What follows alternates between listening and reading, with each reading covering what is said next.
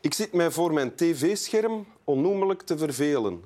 Ik wou dat ik twee hondjes zag die samen zouden spelen. Ik vind het goed. Twee hondjes zijn aanwezig, maar ze, ze zijn ogenschijnlijk niet in elkaar geïnteresseerd op dit moment. Swami Bami en Nona. Ja, maar bij Temptation Island in het begin is dat ook zo. Hè? Als die dan een beetje hebben gedronken, een paar uur later, kan dat helemaal Dus anders zijn. dan hè, moeten we er straks wat drank in gieten. man? En Misschien, misschien Wim zullen ze. Welkom in Winteruur, Niels de Stadsbader. Dank u, Wim. Eh, acteur, presentator, zanger. En eigenaar van een eh, lief hondje. Ja. Ja. en je hebt een tekst mee. Ik heb een tekst bij, ja. Wil je die voorlezen? Absoluut, heel graag. Ik heb aan die tijd de meesterlakste herinneringen. Ik zou zo terug willen. We hadden alle comfort. Centrale verwarming, warm en koud stromend water. Ik liet me maar zo'n beetje dobberen in dat vruchtwater. Had ik zo'n snorkeltje aan mijn buik voor de aan- en afvoer? Prima. En niks te doen. Wat moest je doen? Wachten. Tot iemand je kwam halen. Ik zat daar gelukkig niet alleen. Mijn broer was er ook bij. Hebben wij daar prenataal gedonderjaagd. Hooglopende ruzies over jij ligt op mijn helft. Schold hij me uit voor feut, dan kneep ik hem in zijn snorkeltje, dan kreeg hij geen adem. Als mijn moeder moest overgeven, zei ik, gast, man wordt kotsmisselijk van u. Kwam ons moeder terug van een feestje, waren we dronken, alle drie. Maar mijn broer en ik hadden ook heel ernstige gesprekken. We vroegen ons bijvoorbeeld af, is er een leven na de geboorte? Is er een hier buitenmaals? En op zekere dag was het die day Debarkation Day, werd er zonder enige inspraak onzerzijds een ontruimingsprocedure in werking gesteld. Werden we vriendelijk, doch dringend gevraagd het pand te verlaten, uitgerekend op onze verjaardag. En het stukje dat je hebt voorgelezen heet Geboorte, klopt Door het? Fons Janssens. Door Fons Janssens. Yes. Ja. Geboorte, ah ja, het zit eronder. Want hier is iemand aan het woord die nog in de buik van de mama zit. Klopt. Klopt. En hoe kom je hierbij uit? Wel, ehm, geloof het of niet, maar vroeger eh, was ik heel hard bezig met teksten, voornamelijk ook met eh proza-teksten, voordracht. Ja? Ik heb me toen, eh, toen ik nog een pak jonger was, verschillende keren ingeschreven voor het Belgisch kampioenschap voordracht. Je zegt een pak jonger, hoe jong was je dan?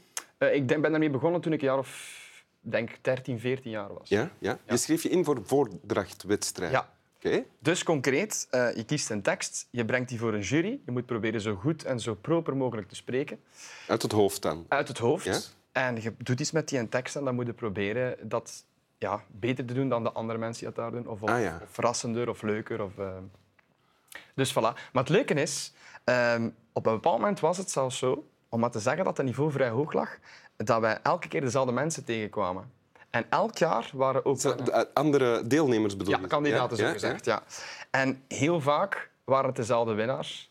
Eh, onder de 16 jaar was dat meestal Clara Kleimans en ikzelf. En boven de Ja, 16... Ah, jullie zaten in dezelfde leeftijdscategorie. Klopt. Ja? En boven 16 was dan haar broer Jelle en Lindenberg Poel. En nu hebben we er toch allemaal op onze manier toch een beetje ons werk van gemaakt. ja? Dus dat vind ik eigenlijk wel straf. Dan zijn er waarschijnlijk nog foto's die toen in de krant hebben gestaan met Absoluut. de vier winnaars dan. zo. Absoluut. Ja. Ja. Ja. Het enige wat een beetje spijtig was, eh, dat was niet echt met, met hele straffe prijzen. Dan, won- dan, je werd dan 14 en je werd dan de winnaar.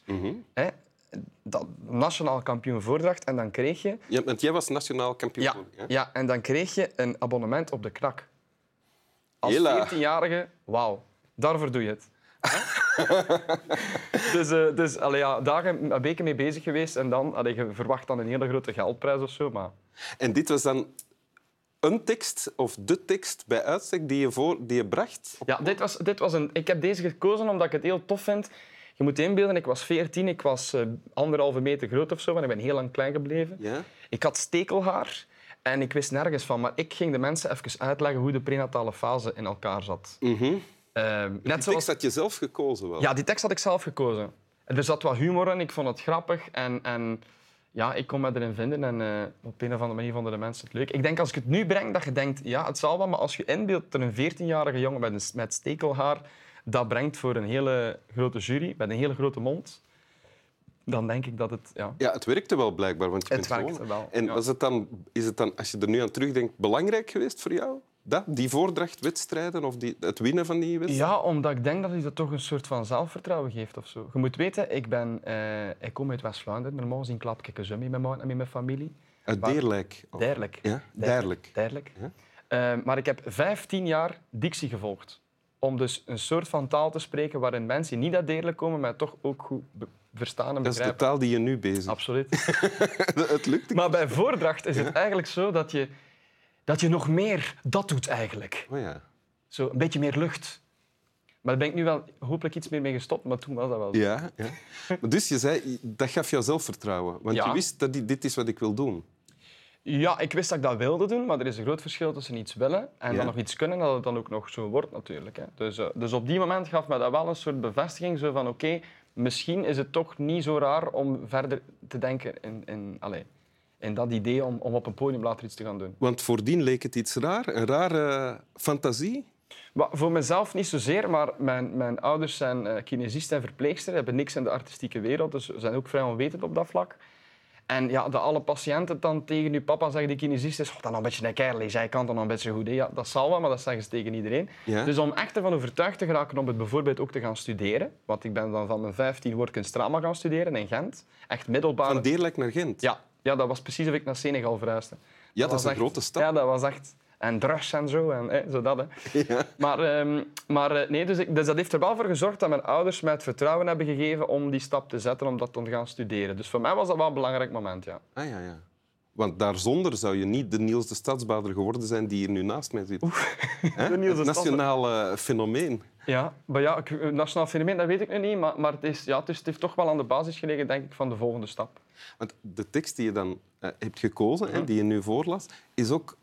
Ja, d- er zit wel wat humor in. Hè? Het is een grappige tekst. Ja. Wist je dat toen? Had je dat daarom gekozen? Ja en nee. Ik denk, er, zijn natuurlijk, er zitten een paar stukken bij die ik toen nog niet verstond natuurlijk. Hè.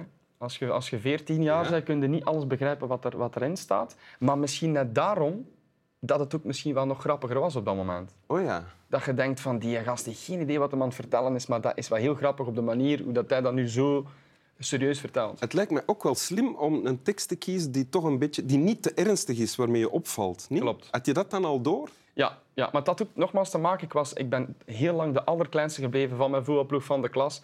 En als je, als je opkomt, want dit is een stuk van de tekst vooral duidelijkheid, maar als je opkomt en je zet anderhalve meter en je zegt we gaan het even hebben over de prenatale fase van de... Hè, zo dat, ja, dat is sowieso allee, op zich Ja. al geestig. Hè. Ja. Linde bijvoorbeeld, die kwam op en het eerste wat hij zei was ja, ik ben Ros, ja. En dat was ook heel grappig. Ah, ja.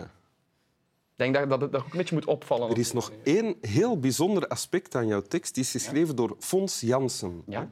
Mijn ene grootvader heette Fons Alfons Helsen. Ja? Mijn andere grootvader heette Frans Janssens. Oké. Dus in Fons Jansen lijkt het dat die twee Verweven zijn in elkaar. ja, vereen- verenigd zijn. Ja. Dan ook nog eens als tweeling in een soort buik van een oermoeder. Ja. Al- En, En waardoor daarom het heb ik hem lijkt- meegebracht. Ja, ja, maar het lijkt al een beetje alsof, dat dat ook allemaal, alsof dat die nu aanwezig zijn hier in, die, in deze studio, Ja. eh, in jou. Het zal een buikgevoel geweest zijn Ja, met de geboorte. dat je het toen al wist. Met de geboorte. Ja. Mhm. Je moet wel lachen met mijn mopjes, hè, Bem. Als ik ze versta, dan zal Ja. ik ermee lachen. Wacht dan nog eens, wachten. Het is het buikgevoel waarschijnlijk. Ja, maar een tweede keer, een tweede keer marcheert dat nooit. Dat is het voordeel met studioshows hè, die ik doe, dat ze er gewoon opnieuw hè. Ja, dat is waar. En lachband eronder en dat is, ik weet niet, grappig. Zullen we de tekst nog eens lezen? Ja, dat is goed. Dat is goed. Oké. ik heb aan die tijd de meesterlakste herinneringen. Ik zou zo terug willen. We hadden alle comfort. Centrale verwarming, warm en koud stromend water. Ik liet me maar zo'n beetje dobberen in dat vruchtwater. Had ik zo'n snorkeltje aan mijn bek voor de aan- en afvoer? Prima. En niks te doen. Wat moest je doen? Wachten tot iemand je kwam halen. Ik zat daar gelukkig niet alleen. Mijn broer die was er ook bij. Hebben wij daar prenataal gedonderjaagd? Hooglopende ruzies over jij ligt op mijn helft. Schold hij me uit voor feut. Dan kneep ik hem in zijn snorkeltje. Kreeg hij geen adem. Als mijn moeder moest overgeven, zei ik, gast, mams wordt kotsmisselijk van u. Kwam ons moeder terug van een feestje? Waren we dronken? Alle drie. Maar mijn broer en ik hadden ook heel ernstige gesprekken. We vroegen ons bijvoorbeeld af: is er een leven na de geboorte? Is er een hier buitenmaals? En op zekere dag was het D-Day, Debarcation Day. Werd er zonder enige inspraak onzerzijds een ontruimingsprocedure in werking gesteld, werden we vriendelijk, doch dringend gevraagd het pand te verlaten. Uitgerekend op onze verjaardag. Dank u wel, en Niels de Alsjeblieft. Stadsbader. Slaap wel. Slap wel.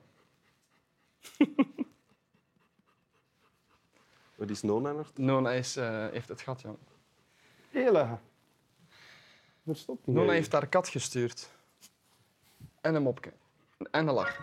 Was dat hem op? Dat was het.